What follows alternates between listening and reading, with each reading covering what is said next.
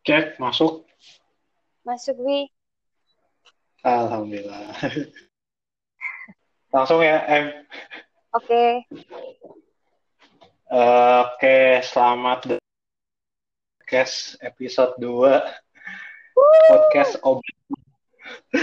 Nama podcastnya Selamat datang di Obat di Obat Saraf ngobrol bareng anak anak Depok seru dan bermanfaat. Jadi eh, malam ini kita kedatangan eh, tamu jauh dari timur, timur Jawa maksudnya. Sidoarjo tepatnya. eh jadi eh malam ini gue ditemenin sama Emma, temen angkatan gue, yang bakal ngomongin soal apa em tentang tadi gue bilang tentang hidup ya Weh, berat, berat. berat berat karena eh kita ngobrolnya berdasarkan ini aja ya apa pandangan sendiri aja kan kita eh sebagai anak muda ini biasanya penuh dengan masalah-masalah yang klise yang orang tuh eh, sering galau di usia-usia kita gitu. Maksudnya kita ngasih insight aja gitu Ya, eh, tentang masalah-masalah hidup. Yes. Jadi eh, Emma ini teman angkatan gue sekarang sama-sama udah masuk di semester 5 di salah satu perguruan tinggi antah berantah di Bogor di salah satu pedesaan tempat buang jin. Eh, jadi gimana em? Apa kabar em? Alhamdulillah baik. Luar biasa. Pandemi udah enam bulan, udah ke mana aja atau stay at home aja nih? Stay at home dong, Bi. Kan kita harus mengikuti protokol kesehatan. Ini patut ditiru ini. Bosen Jangan banget jangan tapi. kenapa? Bosen parah tapi. Oh, bosan. Ya sampai kalau nonton film tuh udah nggak tahu lagi mau nonton apa gitu saking bosennya. Rebahan aja capek ya kalau pandemi sekarang ya. Iya. Saking bosannya. Sama lah itu semua orang juga mengalami ya.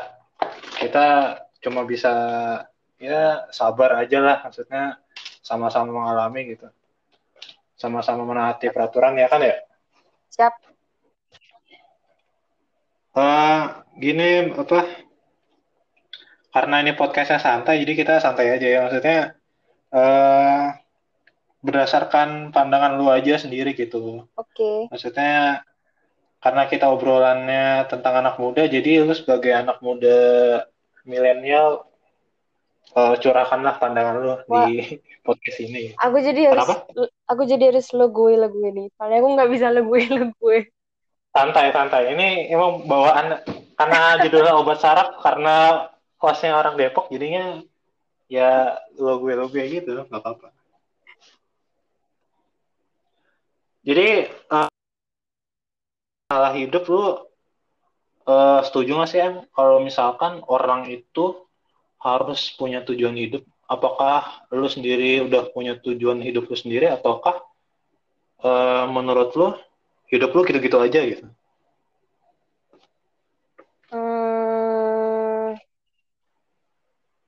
kalau menurutku sih kita harus punya tujuan hidup. Tapi itu tuh nggak perlu harus udah terdefinisi jelas gitu loh, Wi. Jadi misalnya nih, tujuan hidupku, pokoknya aku nggak mau eh, hidup gitu-gitu aja. Cuman sekedar gitu. Tapi Hmm. ntar tinggal gimana aku berusaha buat eksekusi tujuan itu. Berarti kalau aku udah kerja, aku nggak boleh cuman kerja doang. Aku juga harus melakukan sesuatu di luar kerjaanku yang paling nggak ada kontribusinya lah ke yang nggak dunia juga, maksudnya sekitar lingkungan atau apa. Oke. Tapi menurut lu penting nggak sih adanya tujuan hidup? Nggak juga sih, kalau menurutku. Nggak juga. Karena Kenapa? itu tuh ya untung-untungan aja kadang ada yang ketemu dan klop banget sama dengan yang dia bayangkan selama ini oh tujuan hidup saya nih oh. ingin ingin apa ya ingin ngelayanin orang lain gitu terus dia benar jadi uh, jadi perawat kah atau apa yang benar-benar sama tapi ada orang yang sampai dia tua pun nggak pernah sampai tujuan hidupnya. Dia cuma jadi karyawan biasa cuma jalan hidup gitu-gitu aja. Dan kalau menurut aku sih itu nggak apa-apa hmm. sebetulnya. Berarti uh, lo beranggapan kalau hidup itu let it flow gitu? Maksudnya ngikutin arus itu hal yang apa hal yang wajar gitu ya? Maksudnya bukanlah sesuatu yang ah, keharusan kalau orang tuh punya tujuan hidup. Jadi orang uh, yang hidupnya let it flow aja itu menurut lo itu nggak apa-apa gitu ya? Let it flow. Nggak aku nggak setuju tapi kalau let it flow bi. Paling nggak kita harus oh, punya oh, gitu. goal gitu. Harus punya goal. Hmm. biarpun itu cuman short term tapi harus ada goal. Hmm. ada apa yang mau kita capai gitu. Soalnya ya hidup tuh ya gitu-gitu aja kan sebetulnya bi. Kita juga nggak bisa ngatur apa-apa. Jadi biarpun kita nggak let it flow itu tuh udah flow sendiri mau nggak mau. Oke. Oh iya paham. Tapi kan kita suka ngelihat orang yang ya gue ngelihat besok aja gimana dah. Maksudnya kan ada orang ngomong gitu kan hmm. ada yang uh, ada yang ah gue hidup buat makan besok aja gitu. Berarti uh, pandangan lu sendiri itu nggak apa salah ya. Harusnya setidaknya kita punya tujuan goal besar gitu mau jadi apa ya. Maksudnya nggak cuma apa hidup untuk makan atau hidup untuk kerja ya setidaknya. Iya kan ya istilahnya gitu ya. Punya punya apa tujuan yang jelas gitu. Jadinya hidupnya nggak terasa hampa gitu. Maksudnya kan banyak orang sekarang yang e, ibaratnya cuma makan kerja terus tidur gitu itu kalau menurut gue pribadi sih nggak jauh beda sama kayak kerbau di sawah gitu. Maksudnya ngebajak sawah pagi terus sore selesai malamnya tidur makan gitu gitu kan kayak kita kan kayak manusia ya. Maksudnya jangan jangan kita sama kayak hewan gitu ya. Kalau gitu setuju nggak gitu? Aku malah kalau menurut aku hidup kayak gitu malah menarik deh Wah, menarik. Menarik Karena apa itu? Kita kita tuh jadi nggak banyak pikiran. Tiap hari tuh mikirnya cuman one day at a time aja, cuman bes buat besok bertahan hidup aja. Hmm. Jadi menurut lo itu menarik untuk hidup yang uh, maksudnya oh yaudah gue besok mau makan ini terus gue harus kerja ini gitu ya maksud lo gitu iya malah dulu aku cita-citanya tuh pengen jadi apa pemerah sapi gitu di negara yang pertaniannya bagus oh. biar hidupnya sehari-hari cuman mikirin ya kerja sehari makan sehari survive sehari besok beda lagi ceritanya lihat kalau hmm. orang udah di kota-kota besar udah banyak apa sih banyak banyak ambisi banyak apa tapi jadinya tuh malah banyak pikiran hmm. sempat sih gue juga punya bayangan kayak gitu em maksudnya gue apa sempat punya cita-cita mau punya peternakan sapi itu di New, di New Zealand gara-gara nah. gue nonton The Hobbit gue gara-gara nonton The Hobbit tuh ingat banget gue yang padang rumputnya luas banget tuh uh. Lalu gue punya gue kebayang punya punya banyak sapi di situ terus wah merah perah sapi lah gitu. Ya gembala-gembala kambing itu lah kayak orang-orang dulu. Kayaknya enak aja gitu ah, maksudnya. simple-simple aja. Gitu. apa ya maksudnya apalagi kayak di Jakarta ya tiap pagi berangkat terus kena debu di jalan terus segala macem lampu merah panas aduh udah dah ampun ya tapi lu suka ini nggak sih yang uh, apa ya kadang-kadang suka bingung sama diri lu sendiri gitu suka kerasa gitu nggak sih bingung gimana nih bingung gimana ya maksudnya kayak galau gue ngapain sih sekarang gue ngapain sih di sini gitu hmm, pasti sering lah. Kayaknya kita ini di usia yang emang kerjanya bingung-bingung gitu. Bingung-bingung. Iya. Kalau kata lo menurut lo gimana? Kenapa tuh kayak gitu? Karena kita sekarang tuh sedang nggak berbuat apa-apa sebetulnya. Kayak kita pelajar nih mahasiswa. Tapi kita juga belum tahu ntar ilmunya ini mau dibuat apa. Terus habis ini saya mau ngapain. Kan kita nggak tahu itu. Makanya saya saya aku selalu merasa konyol kalau misalnya apa daftar beasiswa atau apa kita ditanya uh, where do you see yourself in five years dan sejenisnya kayak ya saya juga nggak tahu saya juga masih nyari-nyari dan oh. okay. dan kalaupun kita tanya ke orang yang udah lebih tua yang udah lebih berpengalaman juga mereka sebetulnya nggak tahu apa-apa gitu mereka cuma bicara dari pengalaman dan pengalaman ngalamin hal yang sama persis. Ntar waktu giliran kita juga beda. Jadi kayaknya itu yang bikin kita bingung. Soalnya ya emang nggak ada yang tahu hidup itu sebetulnya caranya gimana. Jadi dewasa tuh sebetulnya prosesnya gimana itu tuh nggak ada yang tahu. Iya sih kadang ada orang yang dia melihat pengalaman orang yang sudah lebih tua maksudnya dia membayangkan oh nanti gue hidupnya kayak gini. Terus kayak dia tuh takut mau berbuat gitu karena dia terlalu terpaku sama pengalaman orang gitu. Mungkin hmm. maksud lu gitu kali ya. Kayak uh, eh, uh, eh, gue punya cerita pengalaman uh, orang tua orang tua gue gini gini gini.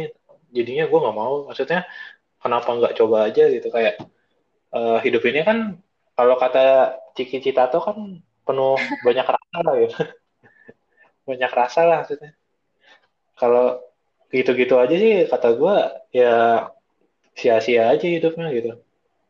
Uh, kalau gue pribadi sih kalau ngelihat pengalaman orang bisa diambil baiknya, maksudnya nggak kita nggak sepenuhnya menolak pengalaman itu karena uh, kita uh, bijaknya itu ngambil pelajarannya aja gitu, nggak se seutuhnya kita mengambil pengalamannya. Kita kan sudah cukup dewasa untuk membedakan mana yang baik mana yang benar kan gitu ya, maksudnya ya kita ambil baiknya aja gitu.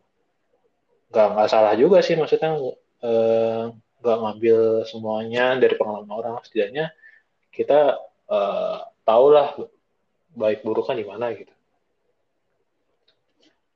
Oke ngomong-ngomong soal diri ini lu pernah gak sih em ngerasa kayak uh, insecure gitu sama diri lu sendiri. Ini kan lagi booming banget nih kalau gue ngeliat di Instagram atau di Twitter orang suka insecure gitu. Kata lu insecure itu ya. apa sih?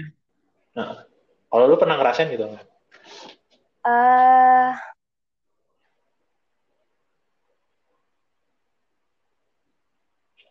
gimana ya? Kayaknya tuh enggak di serius deh. Enggak. Enggak. Serius. Dari kecil kecil dulu aku sering insecure tapi itu tuh bener-bener masih kecil sekali. Kayak TK SD gitu kayak insecure-nya tuh apalagi kalau sama uh, kalau sama anak-anak cowok gitu karena mereka selalu dianggap apa superior daripada yang cewek okay. gitu aku selalu insecure kalau gimana kalau aku nggak bisa ngalahin nilai mereka gimana kalau hmm. uh, aku ntar gedenya cuma jadi kayak ibu-ibu gitu tapi hmm. kalau sekarang sih apa ya nggak ada gunanya gitu insecure bi karena aku pernah baca di mana ya jadi sebetulnya uh, kita tuh nggak nggak nggak ada yang namanya diri kita yang kita insecurein itu di mata setiap orang tuh ada versi diri kita di pandangan mereka masing-masing. Jadi oh. Emma di mata Colby dengan Emma di mata orang lain tuh pasti beda lagi dan kalau kita mau pertimbangin semua yang mereka bilang negatif tentang kita yang nggak ada akhirnya gitu jadi kalau menurut aku sih nggak ada gunanya insecure makanya oh. milih untuk tidak mau insecure berarti lo lebih ber, apa lo berpendapat kalau insecure tuh nggak ada gunanya ya? Karena tiap orang tuh punya sudut pandangnya sendiri gitu maksud lo gitu kan ya? Tergantung orang lihatnya dari mana ya lo terima aja gitu. Kan kita uh, sepakat kalau orang tuh beda-beda kan ya? Tentu dengan pikiran yang berbeda-beda pula. Jadi uh, kita harusnya bijak dalam menyikapi pendapat orang gitu. Mungkin ya arahnya ke situ kali ya. Ya. Oke jadi uh, buat para pendengar ini yang suka insecure insecure tuh nggak ada gunanya ternyata. Karena kembali lagi di uh, sudut pandang orang itu kita bijak-bijaknya lah sebagai manusia menyikapi pikiran orang ya gue juga sering bikin insecure apa, apa sih biasanya yang sering bikin insecure tuh.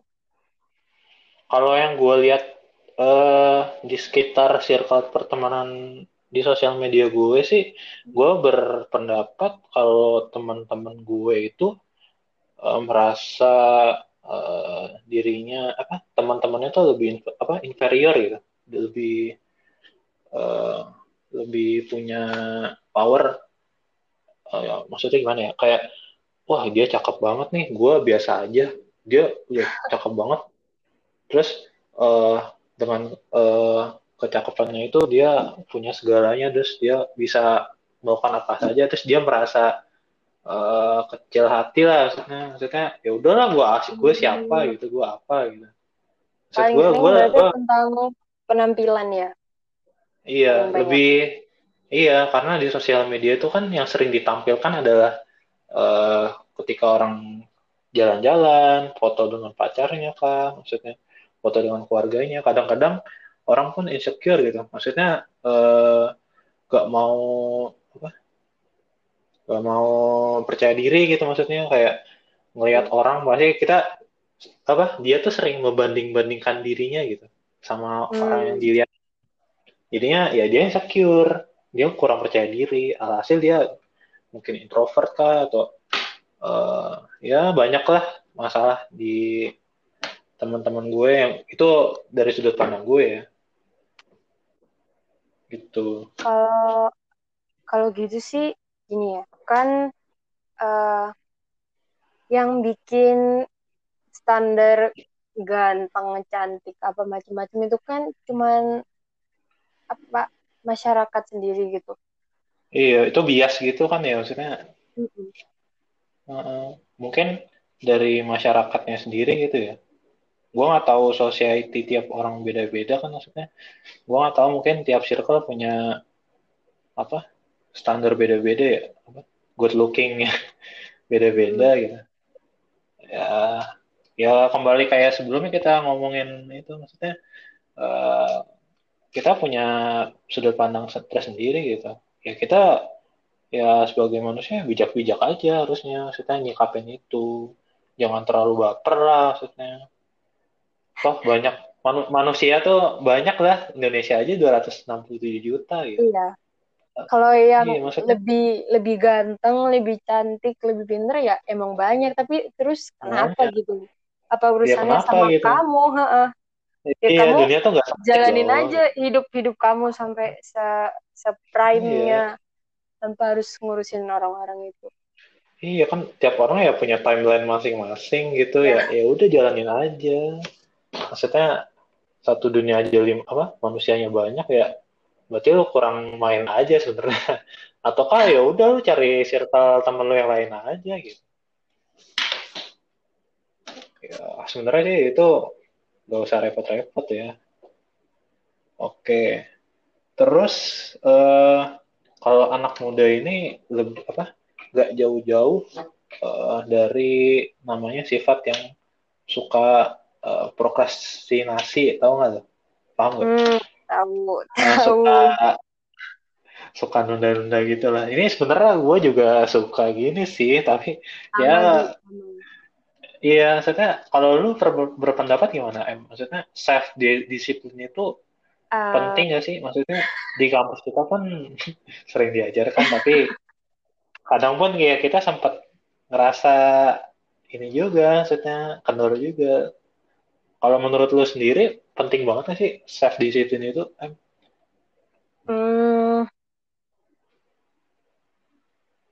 jadi untuk semua masalah itu bi kalau yang aku lihat kita nggak bisa bikin generalisasi deh kayak hmm. bisa nggak sih sebetulnya kita eh ben, apa salah nggak sih nunda-nunda dan penting nggak self disiplin kalau konteksnya dia misalnya tugas yang ada deadline-nya dan dia nunda-nunda nih sampai deadline tapi dia nih aktif procrastinator gitu jadi ketika oh. dia nunda di hamil satu wah produktif parah gitu kalau gitu wah, iya. kan berarti itu positif ya kenapa hmm. enggak daripada iya, dia yeah. nyicil setiap hari tapi biasa-biasa aja dibandingkan ketika dia hamil satu dan idenya hmm. wow gitu kan mending yeah. satu tapi yeah. kalau misalnya Ini, yang yeah. dimasuk dengan self discipline itu kayak uh, harus tepat waktu kayak misalnya kita nih bi kegiatan setiap hari yang udah terjadwal harus tepat waktu ya nggak bisa kalau yeah. kita mau nerapin yang aktif procrastinator itu ya harus ditepatin jadi sebetulnya kembali lagi ke setiap orang ritmenya gimana apa dia bisa ngejar Hamin satu dengan kebrilianan yang luar biasa atau dia modelnya yang emang harus nabung dikit-dikit dan hasilnya ya tetap bagus juga gitu. Hmm, paham paham. Tapi aku sih, ini kan kita uh, ya lanjut. Kenapa bi? Kalau aku sih orang yang Hamin satu jelas itu. Oh, last time orang-orang deadlineer paham lah karena gue juga mengalami itu adrenalin rushnya tuh beda gitu iya kayak wah gitu kayak air terjun gitu tiba-tiba idol datang dari antah berantah dari mana terus tiba-tiba kayak kayaknya emang under pressure tuh sangat menarik ya.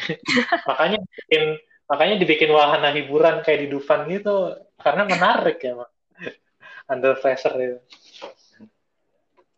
Berarti lu berpendapat uh, eh, self discipline ini tergantung kita melihatnya dari mana gitu ya. Maksudnya nggak uh, selamanya pros apa pro, lu berpendapat nggak selamanya prokrastinasi itu negatif.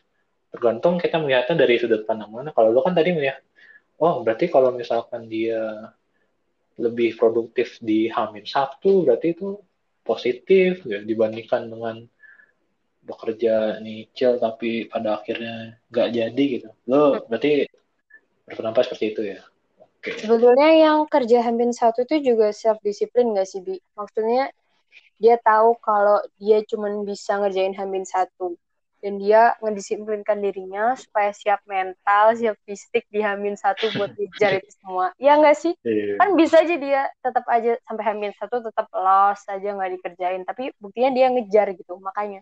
Uh, uh, bisa.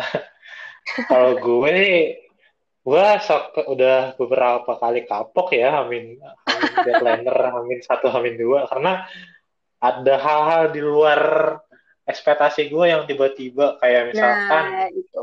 ah kayak gue but apa mengerjakan suatu tugas yang menggunakan laptop tiba-tiba laptop der matilah baterai habis terus tiba-tiba internet mati waduh gitu listrik mati nah itu.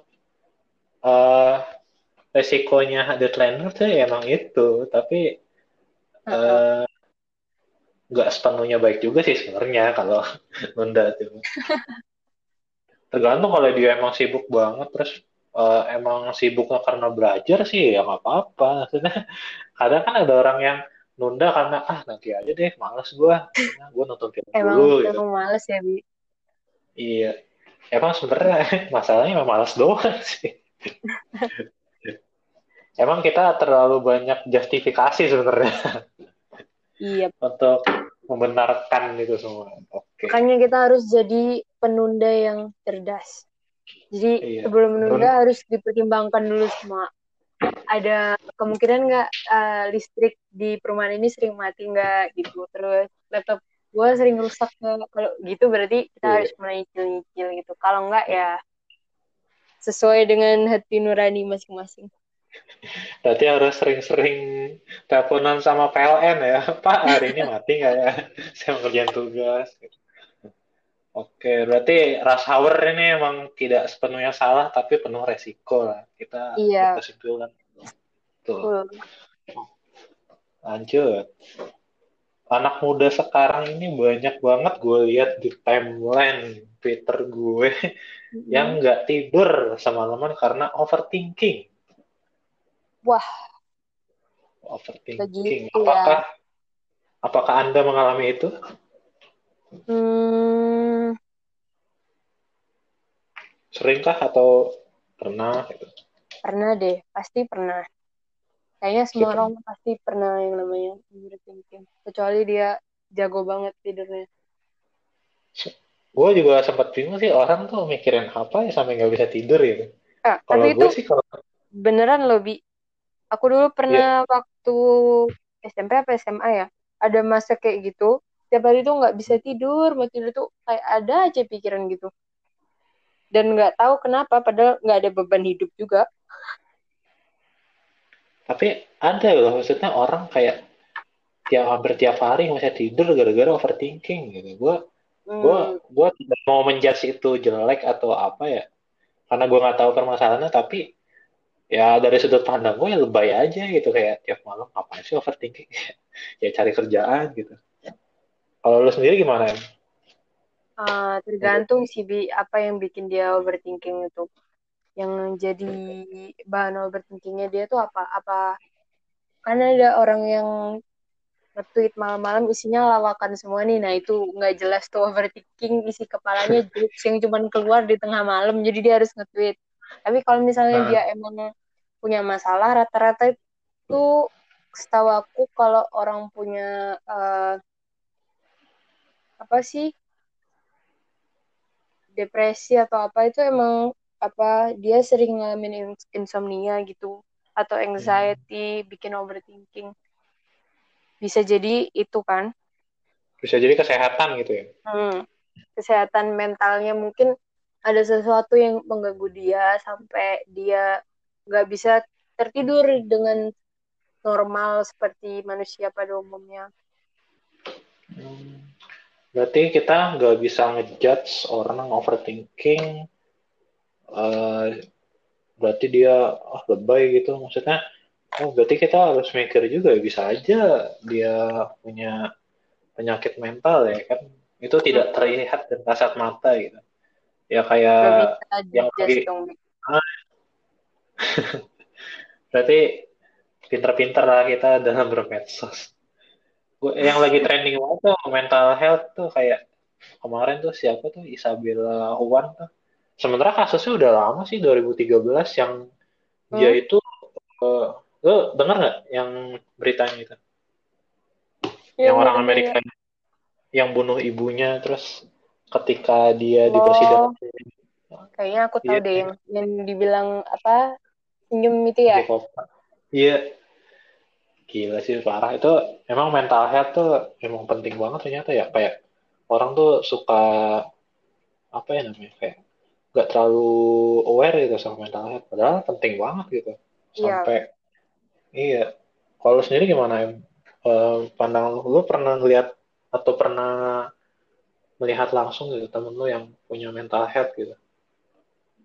Uh, waktu aku SMA dulu pernah di jadi teman sekelas aku dia tuh emang sakit mental gitu gara-gara hmm.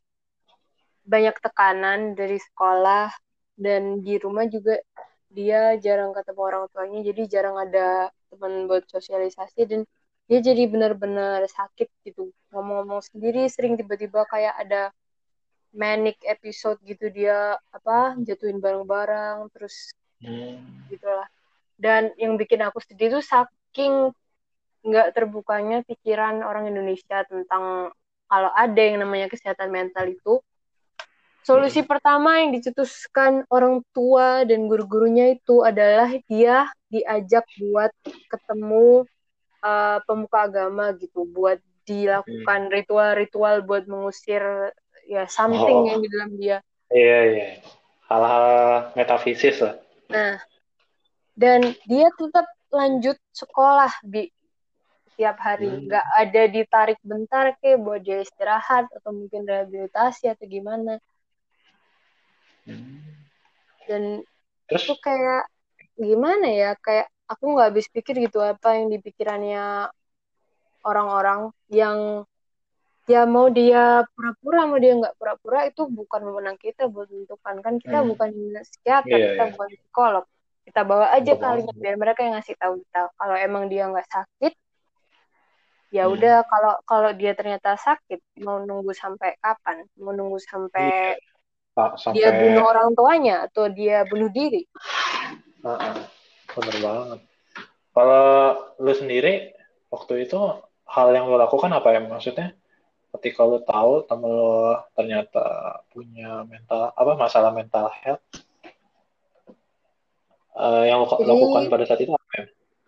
waktu itu eh pokoknya kasusnya tuh belit-belit gitu kan Bi. terus kebetulan dia sempat manggil aku waktu dia lagi kambuh gitu. Dia nyebut-nyebut nama aku berulang kali. Terus teman-teman yang Hmm. lain manggilin terus aku datengin aku Hmm. ajak ngomong dan aku nggak tahu ya mungkin orang yang suka ngejudge orang yang sakit mental tuh pura-pura atau setan itu mungkin nggak pernah ketemu langsung dengan orangnya waktu sedang sakitnya itu. Dan itu tuh benar-benar kayak kita nggak ngomong sama orang yang ada di situ. Kayak entah Hmm. jiwanya tuh udah ke mana dia di mana dia ngomong apa aku ngomong apa nggak jelas.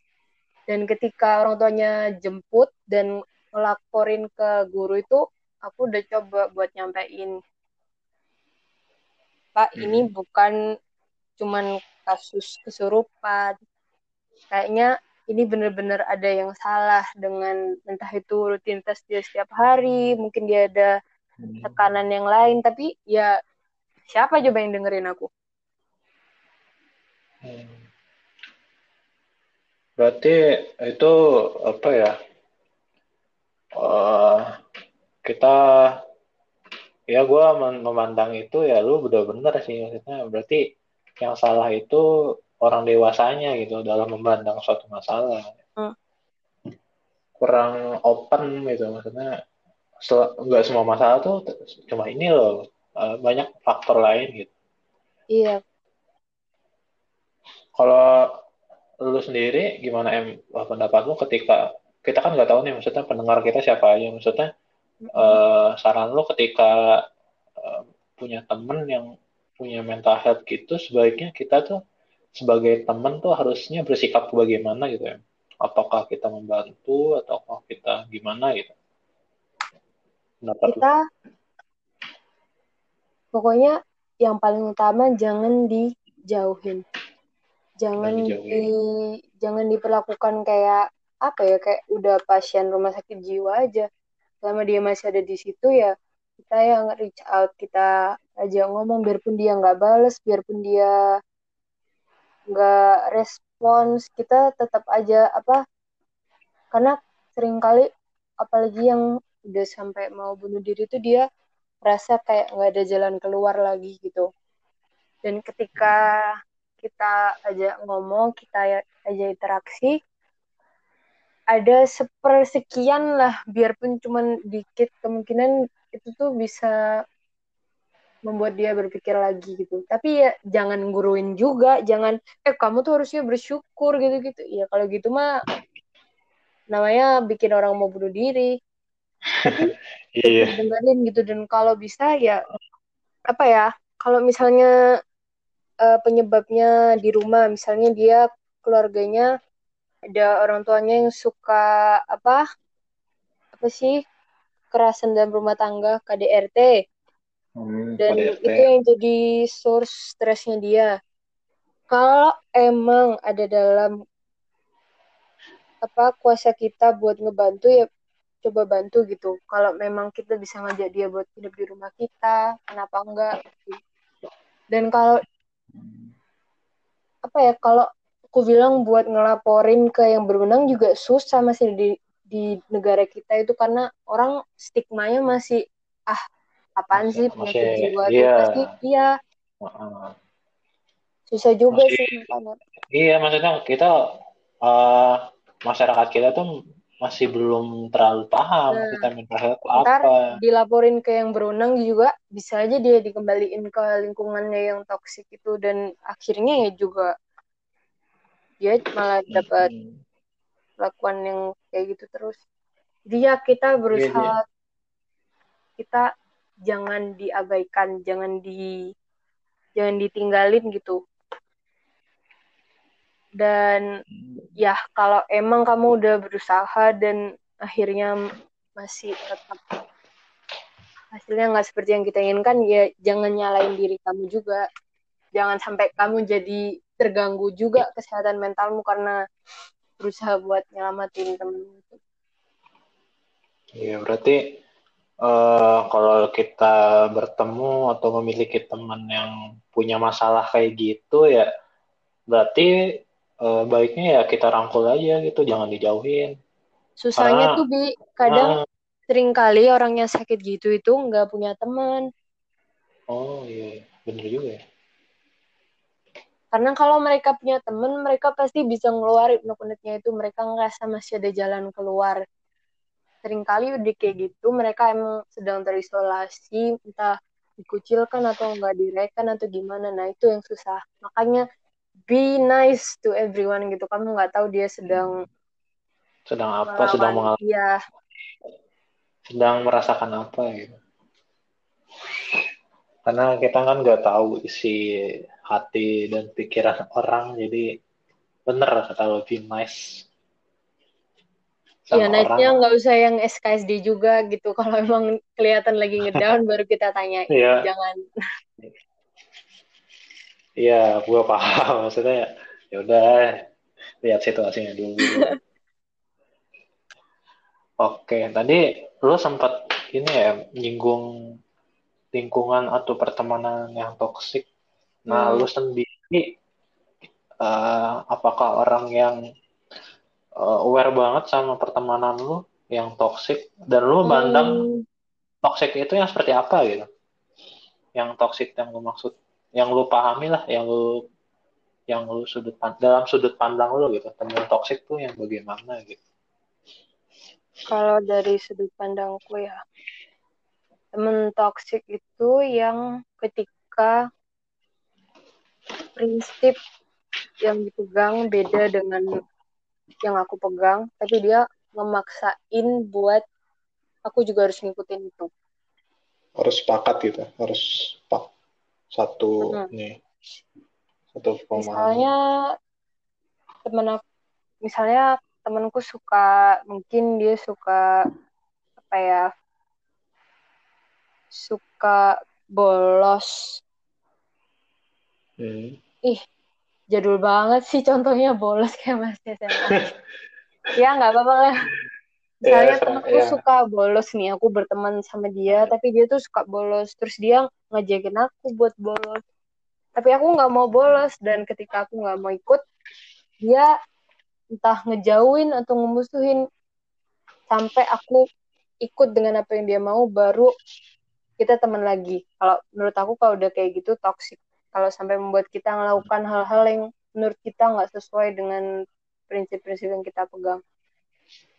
Oh, berarti lu berpendapat kalau teman yang toksik toksik itu kalau menurut lu nggak bener dan dia mengajak hal itu ya berarti memaksakan sih bi kalau Nah. ngajak doang aku nolak dia nggak apa-apa Oh. ya nggak apa-apa maksa ya gitu. lebih ke mak iya lebih ke maksa berarti Hmm, memanipulasi biar kita mau dengan apa yang dia mau terus apa playing the Hmm. victim gitu-gitu.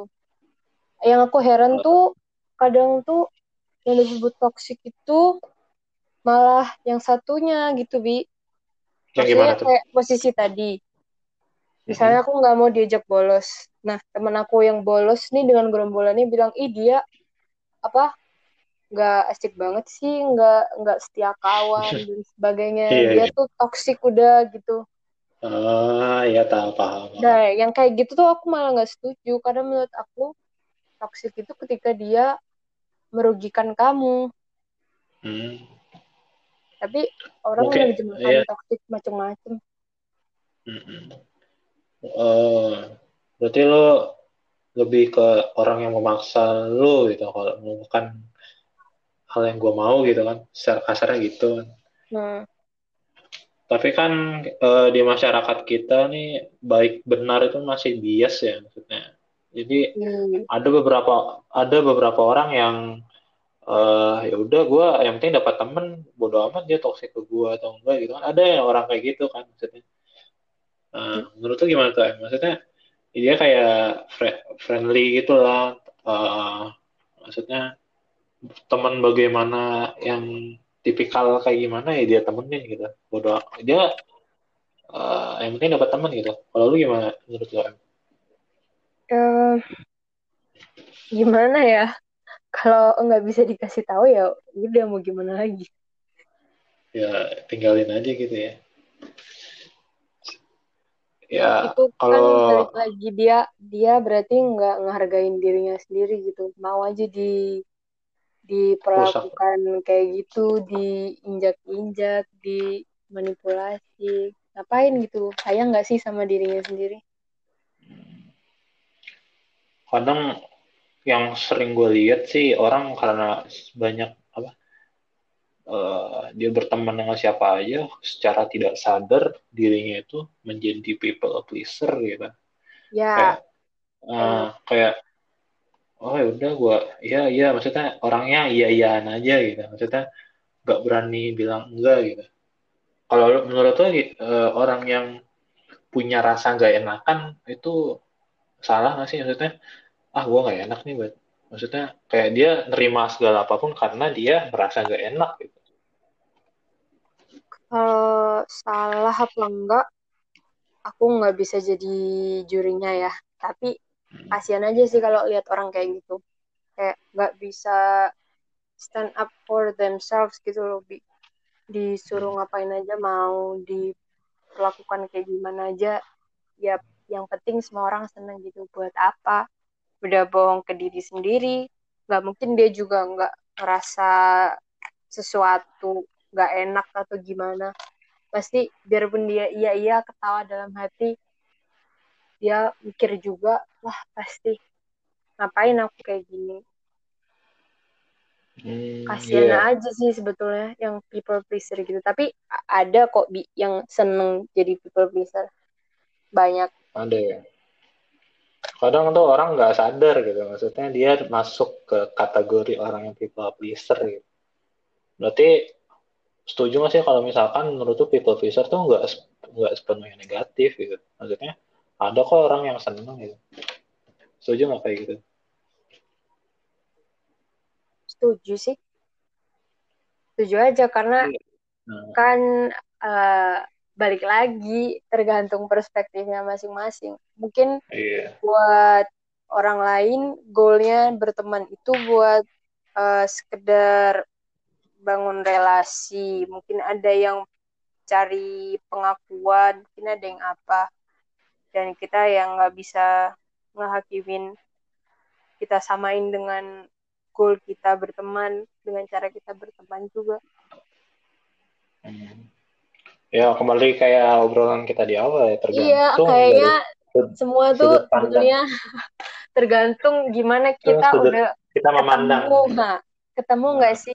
Kita tuh orangnya kayak gimana? Mau kita kayak gimana? Nah dari situ Nah. baru kita bisa ngejudge yang saya lakukan ini benar apa enggak sesuai sama saya apa enggak Iya, jadi sesuatu yang masih bias harus kita sepakat dulu di awal. Yang maksud dengan misalkan kayak yang maksud yang lu maksud dengan toxic itu gimana? Yang lu Nah. maksud dengan insecure itu gimana sih? Gitu. Kan tiap orang punya pandangan yang berbeda-beda kan. Berarti eh, cara menyelesaikan masalah-masalah itu adalah kita pertama menyem- apa, menyamakan pendapat kita dulu gitu. Apakah kita sama? Oh ya kalau beda berarti kita ya udah nggak bakal ketemu jawabannya gitu. iya nggak akan nggak akan ketemu ujung masalahnya penyelesaiannya gimana. Karena kita memang sudah tidak sama di awal. Jadi eh, kembali lagi kita harus uh, pahamin dulu definisi dari masalah itu sendiri. Lu memandang bagaimana gitu. Ya kan ya gitu ya. Oke terus uh, anak muda itu erat kaitan apa sering dikaitkan dengan uh, comfort zone zona hmm. nyaman.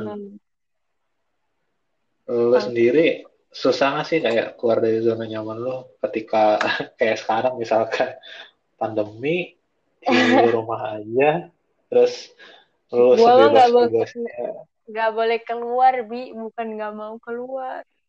Wah nggak boleh. Oke. Okay. paham. Dan uh, ketika tahun depan nanti lo misalkan ini relate aja ya maksudnya lo udah disuruh balik ke kampus kan ibaratnya kayak lu keluar comfort zone gitu. Hmm. ya menurut tuh gimana sih? Maksudnya anak muda tuh banyak yang uh, dia tuh susah keluar gitu kayak mau gerak kayak mau keluar rumahnya mager banget gitu kayak comfort zone-nya susah gitu bangun dari tempat tidur aja susah banget kalau sendiri gimana sih maksudnya dari sudut pandang lo sendiri gitu um, kalau aku ngelihatnya apa sih yang salah dengan comfort zone? Sebetulnya yang salah tuh apa?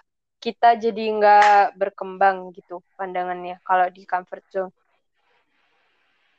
Hmm, kadang uh, dia tuh di terlalu lama gitu di comfort zone. Maksudnya uh, harusnya, maksudnya kan kita tahu nih anak muda maksudnya masih usianya masih uh, belum terbilang tuh maksudnya kan kalau usia muda kan ya erat kaitannya dengan semangatnya masih apa bergelora gitu lah maksud gue maksudnya dengan tenaga yang masih full di usia muda ya harusnya ya kan uh, lu keluar dari zona nyaman lu, lu mencari hal-hal yang positif gitu. Maksudnya melakukan kegiatan-kegiatan yang bermanfaat dan untuk orang lain dan kita maksud gue gitu. Maksudnya terus memacu diri lu sendiri maksudnya mengepus diri lu sendiri untuk berkembang gitu.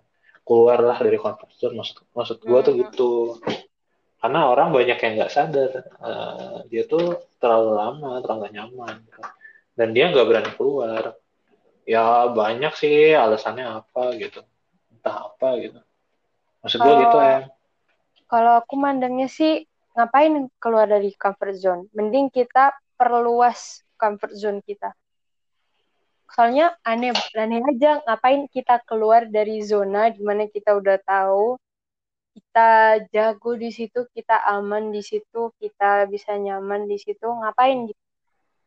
Apalagi kalau kita ngambil resiko yang unnecessary gitu, kayak misalnya misalnya kita uh, bidangnya emang di IT, tapi kita pingin keluar dari comfort zone, nggak ada background apa-apa, nggak ada riset apa-apa, tiba-tiba aja kita ngejerumusin ke dunia seni seni tari kayak atau seni apa.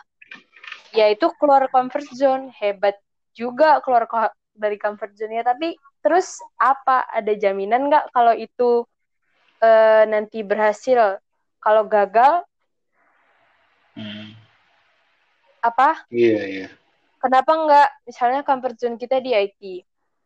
Untuk sekarang kita cuma jadi tech support. Kenapa nggak kita perluas?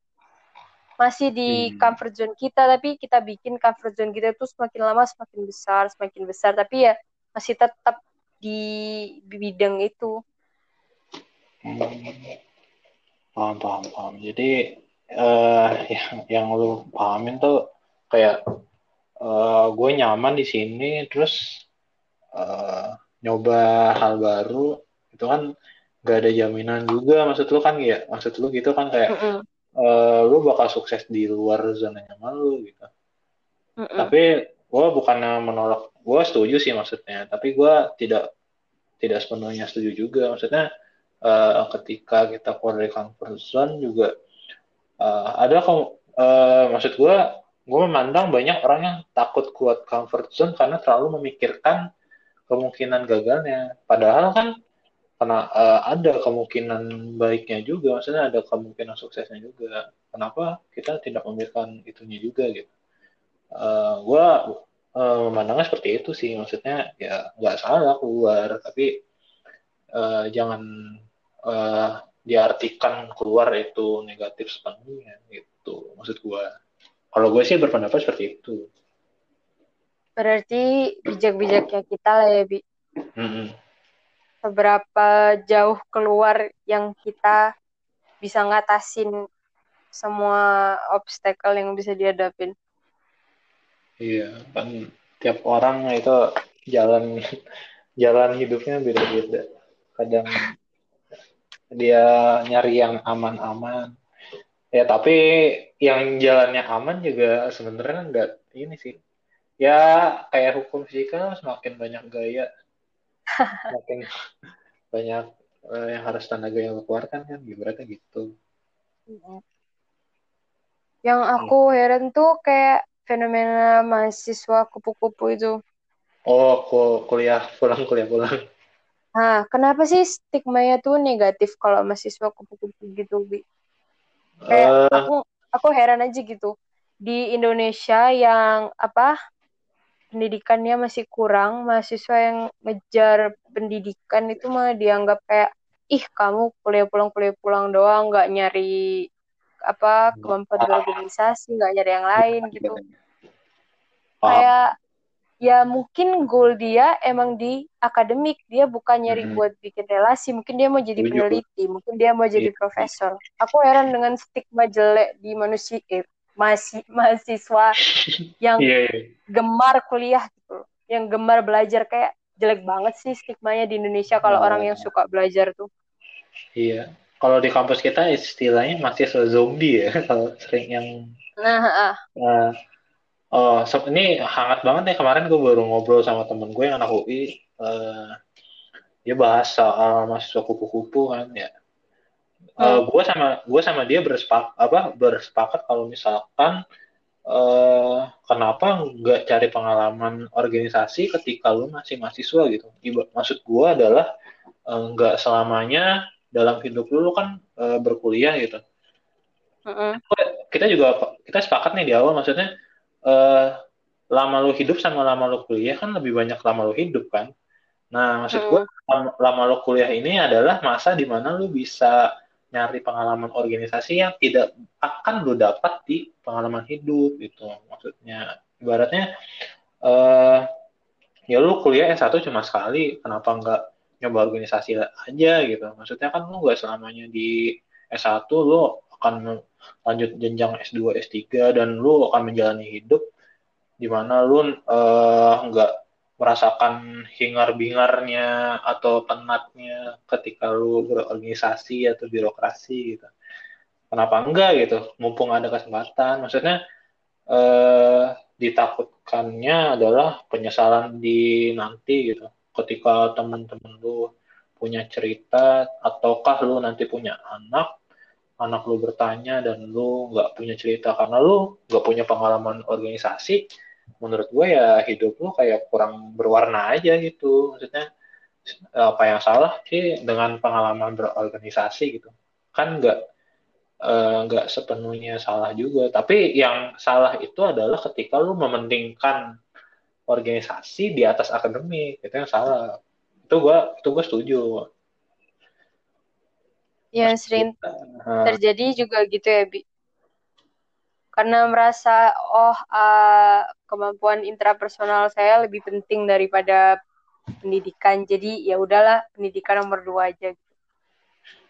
Iya ada yang kayak gitu. Maksudnya kan uh, kalau gue sih ya balance aja gitu. Cek tetap cek cek and balance aja antara akademik dan organisasi gitu uh, eh, gue nggak mau menutup sepenuhnya untuk organisasi dan gue tidak uh, memprioritaskan organisasi juga gitu. Maksud gue ya akademik utama tapi jangan tinggalkan organisasi karena gue gue mengistilahkannya adalah uh, organisasi itu kolam renang dan hidup lu yang akan datang adalah lautan gitu. Maksud gue gitu. Maksudnya mumpung lo lagi di kolam renang nih kenapa nggak lo belajar renang dulu aja? Daripada lo nanti belajar renang di lautan. Kemungkinan lo mati kan lebih kecil ke saat lo di kolam renang kan dibandingkan di lautan. Lautan kan kita nggak tahu nih medannya seperti apa. Setidaknya kalau lo udah tahu cara yang berenang di kolam renang kan lo punya dasar punya basic yang uh, ketika lo nanti mau berenang di lautan nanti kan ibaratnya gitu. Gue gue gue uh -huh. meng gue mengistilah gue mengistilahkannya seperti itu.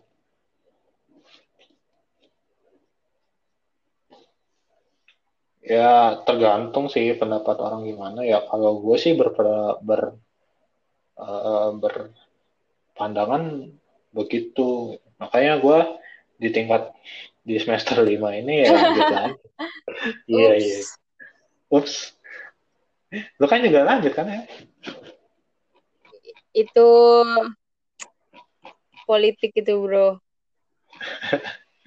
Paham sih gue paham. Ya, tapi kalau aku lihatnya kayak di tempat kita sekarang tuh aku ngerti kalau di kuliah di luar penting dia harus berorganisasi karena nanti masuk CV dan sebagainya buat mm -hmm. cari kerja. Tapi tempat kita sekarang ketika proses cari kerja lagi tuh nggak terjadi menurut mm -hmm. aku ya udah fokus sama belajarnya aja karena itu udah guaranteed gitu tanpa harus kita harus yeah. lagi iya yeah, iya yeah. karena yeah, sih. ya apa ya gimana ya ketika ya kalau kita meneruskan seumur hidup di sana kalau kita keluar kita ketika pendidikan kita kita telantarkan kita nggak punya apa-apa gitu waktu kita keluar mau nerusin hmm. susah harus ngulang lagi. Iya dari awal. Ya tergantung goal juga sih bi. Kalau emang dia goalnya emang di situ dia buat ke jenjang kerjanya itu ya kurasa emang penting organisasi. Oh, oke. Okay. ya gue setuju sih sama omongan lo juga. Ya tergantung kita kembali di awal kan tujuan hidup kita apa gitu Betul banget. ketika tujuan hidup kita bersinggungan dengan realita yang kita alami ya silakan take it gitu. Take it ya or leave it gitu. Ya udah sesimpel itu aja sebenarnya sih. Ya gue tetap uh, berpandangan seperti itu masalah organisasi. Itu emang udah dari tahun ke tahun gitu jadi polemik ya maksudnya. Ya hmm. Gue tidak terlalu memusingkan sih karena ya udah gitu. Terus apa lagi ya? Oh. Lagi nih, Bi? Ketika lu ada ya maksudnya uh, ada kalanya manusia ini uh, berada di titik terendahnya aja gitu. Maksudnya uh, lagi down banget lah gitu. Hmm. Terus kalau lu sendiri gimana? Apa kayak how you uh, motive yourself gitu, motivasi diri lu sendiri gitu? kalau lu lagi ngedown banget apakah lu punya treatment tersendiri kah? Atau kalau lu lebih suka uh, nanya atau cerita ke orang gitu? Hmm, kalau aku paling nggak suka cerita ke orang sih sebenarnya. Karena ya kan kita sama-sama manusia semua hmm. ya emang manusia mas. Iya sih emang manusia. Siapa lagi? Maksudku ya tahu sendirilah sifat manusia kayak gimana. Mau dipercaya sedih percaya gimana pun Ada itu tuh bisa tetap ya bisa tetap tersebar di mana-mana. Dan ini udah terjadi gitu. Jadi kalau lagi ngedown sedown-downnya sih biasanya malah aku aku puasin ngedownnya gitu bi oh. kayak jadi ya salurin aja bener-bener kalau emang ngerasa lagi kecewa ya mau teriak-teriak mau apa karena sebetulnya perasaan itu cuman apa ya diatur sama otak kita kok otak kita ngasih sinyal-sinyal ini terus badan kita ngelaksanain terjemahin ke reaksi-reaksi yang nangis lah yang apa dan ketika udah selesai yeah. ya ya udah sebetulnya nggak ada yang berubah dunia ini nggak berubah tetap sama jalan kita aja yang sedang bereaksi. Iya. Yeah ya dunia kan gak berputar di diri lu sendiri kan? Ya makanya. Iya lu stuck juga dunia tetap berputar gitu. Kalau emang kamu punya temen yang kamu yakin bisa dipercaya ya coba aja bagiin. Karena ya kita emang cuma butuh buat ngeluarin aja kok. Entah itu sendiri atau dengan dibagiin ke orang lain tapi kalau nggak ada ya sebetulnya fine fine aja all by yourself. Iya kadang ada orang yang ya udah pengen didengerin aja gitu. Ada orang yang uh, butuh solusi yang ya tergantung orangnya sih sebenarnya. Kalau lu kalau lu kalau lu berarti uh, lebih ke ya udah keluarin aja gitu ya. Kalau lu sukanya didengerin apa dikasih solusi bi? Karena gue laki-laki lebih solusi sih karena uh, apa ya kalau gue sendiri tuh lebih ke butuh solusi karena nah sama uh, bi iya maksud gue aku tuh paling heran kalau kalau ngomong ke orang ceritain masalah terus tuh cuman kayak ya udah sabar aja gitu. Kayak aku cerita tuh nyari solusi iya. kasih gua solusi yang konkret gitu. Jangan iya. cuma iya iya doang. Iya sih. Maksudnya gua oh mungkin gini kali ya maksudnya uh, dia takutnya nggak tahu maksudnya ini orang mau dengerin atau dikasih kasih solusi. Mungkin dia nyari aman dulu kan di berarti maksudnya, komunikasinya harus jelas ya bi. Nih iya. gue lagi nyari solusi. Iya maksudnya mungkin di awal harusnya kasih statement dulu nih gue butuh solusi. Terus lu cerita oh, kan ada orang eh gue pengen cerita nih terus gue gue gue bla gitu. Terus udah sabar. Kan ada yang ada yang tipikal gitu kan. Ya kalau gue sih ya karena gue males ngomong panjang lebar terus ya udah gitu kayak apaan sih? Gitu mending iya. nggak iya. ada faedahnya. nggak ada faedahnya gue berbusa-busa. Tapi ada orang yang butuh gitu bi. Yang harus diceritakan soalnya kalau dia pendam sendiri bisa meledak nanti dia flow gitu ya banyak lah di sering kita lihat di sekitar lingkungan kita tapi ya cara mereka menyalurkannya beda-beda. iya kan? Kadang merusak relasi antara teman dan antara senior junior itu kan sering terjadi. itu aduh relate banget dah itu. Kalau udah kayak gitu susah juga sih maksud gue ketika sudah rusak relasi gitu kayak profesionalitas kita dipertanyakan kadang-kadang kalau mm. maksudnya uh, kan kita gak uh, gak sepenuhnya masalah uh, senior junior tuh kan ber bersinggungan dengan organisasi juga kan maksudnya berhubungan dengan akademik juga maksudnya penyelenggara juga maksudnya ya kadang ada orang yang karena masalah pribadinya gitu masalah mm. uh, hubungan yang nggak baik berdampak pada uh, profesionalitas mereka gitu kayak iya aneh itu yeah. tuh anehnya anehnya tuh gitu bi double standar uh -huh. kalau apa ganti-ganti muka muka dua gitu bilangnya untuk profesionalitas. Tapi ketika dalam kerjanya ketika dia nggak suka yang nggak diajak kerja gitu kan. Harusnya profesionalitas menurut aku malah walaupun dia nggak suka ketika emang harus kerja dia akan menyeleksi berdasarkan kemampuan. Tapi aneh aja gitu kayak cara mereka menerjemahkan profesionalitas itu nggak make sense buat saya iya kadang ada yang ya masih ya gue bukan mau merendahkan ya ada sih yang kayak masih kanak-kanakan gitu lah maksudnya mm -mm. gak bisa membedakan ya ya profesional lah maksud gue lo nanti juga masuk iya. dunia kerja gitu masa gitu masih gitu aja sih sifatnya udah umur lo berapa gitu kadang nggak suka ya nggak apa-apa nggak. suka aja tapi tetap tetap sesuaikan dengan kemampuannya gitu. Iya kayak kerja kerja nggak usah baper-baper banget gitu. Kan ada orang yang lebay banget gitu ya. Susah ya bi? Susah emang tiap orang kan beda-beda. Kalau lu pandemi gini sibuknya ngapain ya di rumah? Di Atau baca rumah, iya gitu-gitu doang. Baca-baca buku sama lagi kursus online. Oh, apa tuh? Bahasa bahasa Inggris. Ah, enggak. Macem-macem, apa aja deh yang ada buat isi-isi Hmm. waktu. Sama sih.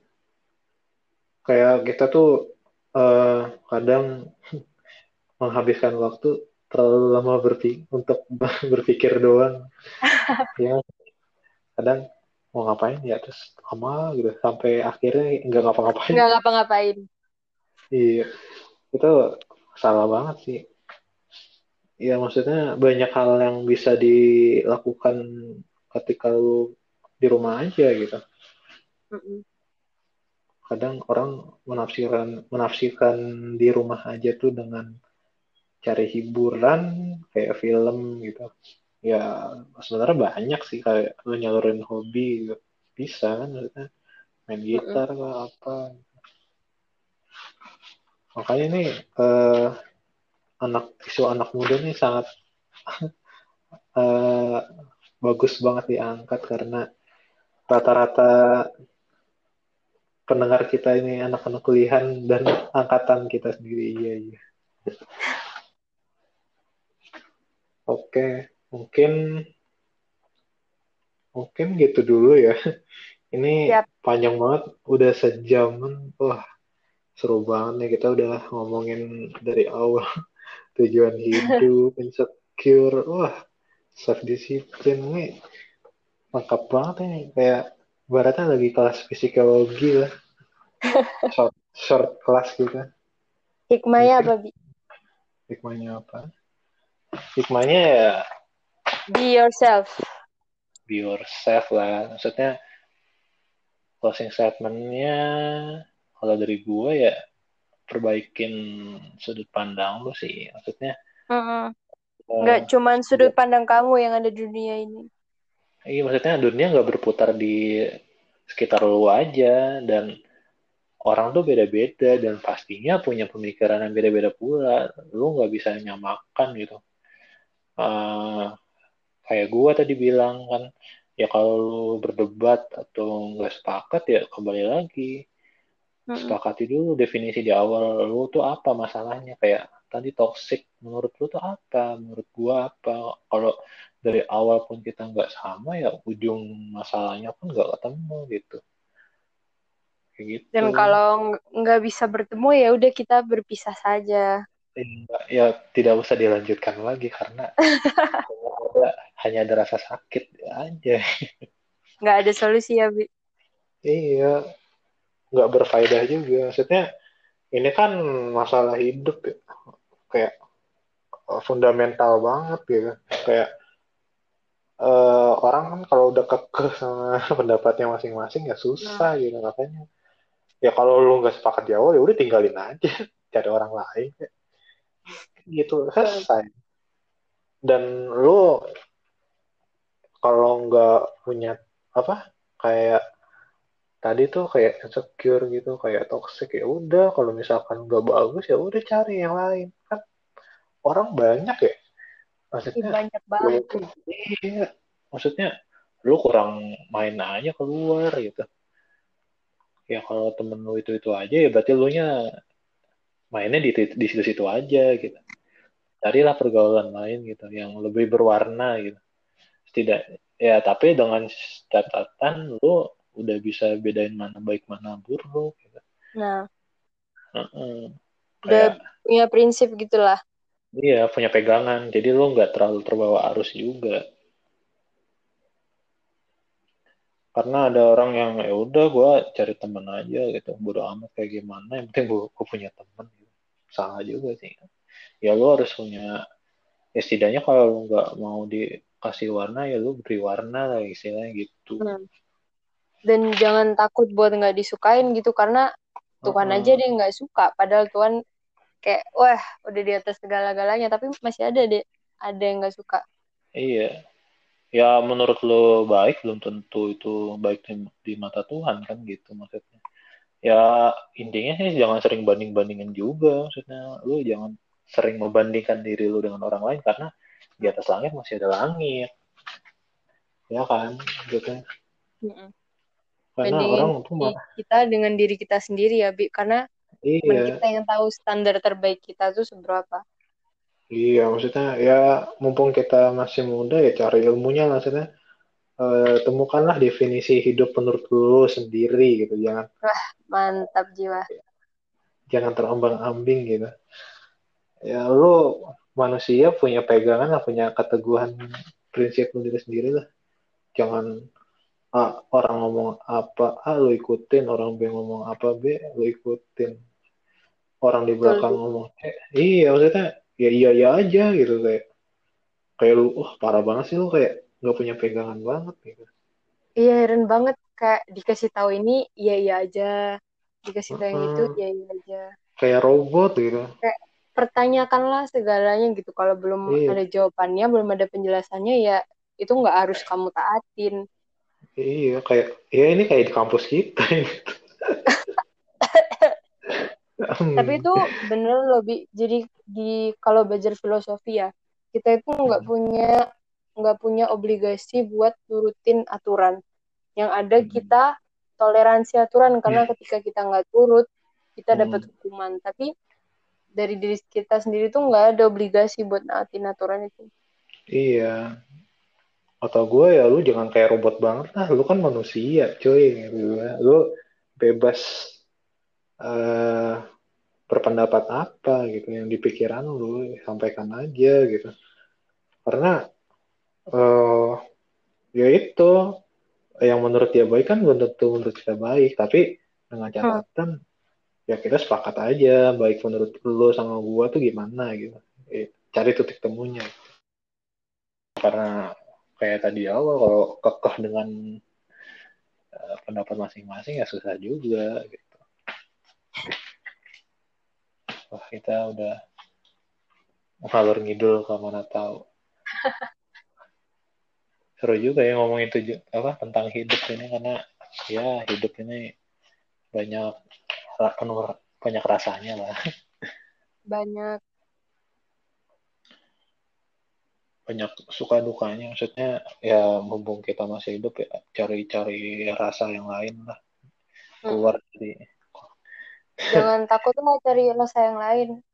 Iya, jangan takut cari masalah, cari aja masalah. Mumpung lu masih muda, masih muda itu salah masih bisa diperbaikin. Nah, kalau udah tua tuh susah. Kayak ibaratnya kenapa anak kecil dikasihnya pensil, kenapa nggak pulpen ya karena anak kecil kalau salah masih dimaklumi, masih bisa dihapus gitu kesalahannya. Gitu. Ya kalau udah tua pakai pulpen, kalau udah salah ya susah dibenerinnya gitu kalau masih pakai pensil kan ibaratnya masih bisa dihapus pakai penghapus kan dibenerin kalau eh kalau pakai pulpen. Dibenerin pakai tipek tipek ada bekasnya terlihat gitu. Ibaratnya gitu kan. Ada jejaknya. Kalau lu buat salah sedikit lu punya track recordnya gitu. dilihat dari situnya gitu. Gitulah. Ya menurut gua mumpung masih muda. Ya rasain aja lah rasa-rasa yang lain. ya. Nggak? siap. Nah, oke. Mungkin sekian dulu ya makasih banget ya lu mau banget jadi tamu kedua gue ini. Karena kan dipalak Hah, kenapa? kan dipalak Ya Allah, kan gue lu nge blackmail gue kan? Anjay gue gue kapan gue nge-blackmail lu? Ini eh jadi sesi kedua apa episode kedua di obat saraf. Mungkin eh emang bakal berkesempatan berkesempatan di lain lain waktu dengan bahasan yang baru. Karena Woi, karena masih ada satu semester yang harus kita lewatin, jadi masih ada, masih ada enam bulan ya, masih ada enam bulan sampai Maret. man. Ya kalau lagi kalau lagi kosong ya kontak gue aja, kita bikin podcast bareng. siap siap Oke, makasih ya. Untuk Hmm. waktunya nih. Makasih banget nih udah mau diajak bincang-bincang tentang hidup versi Emma dan versi gue. Oke, kita tutup kita. Thank you Colby. Ya, makasih juga Em. Selamat malam. Bye bye. Bye bye.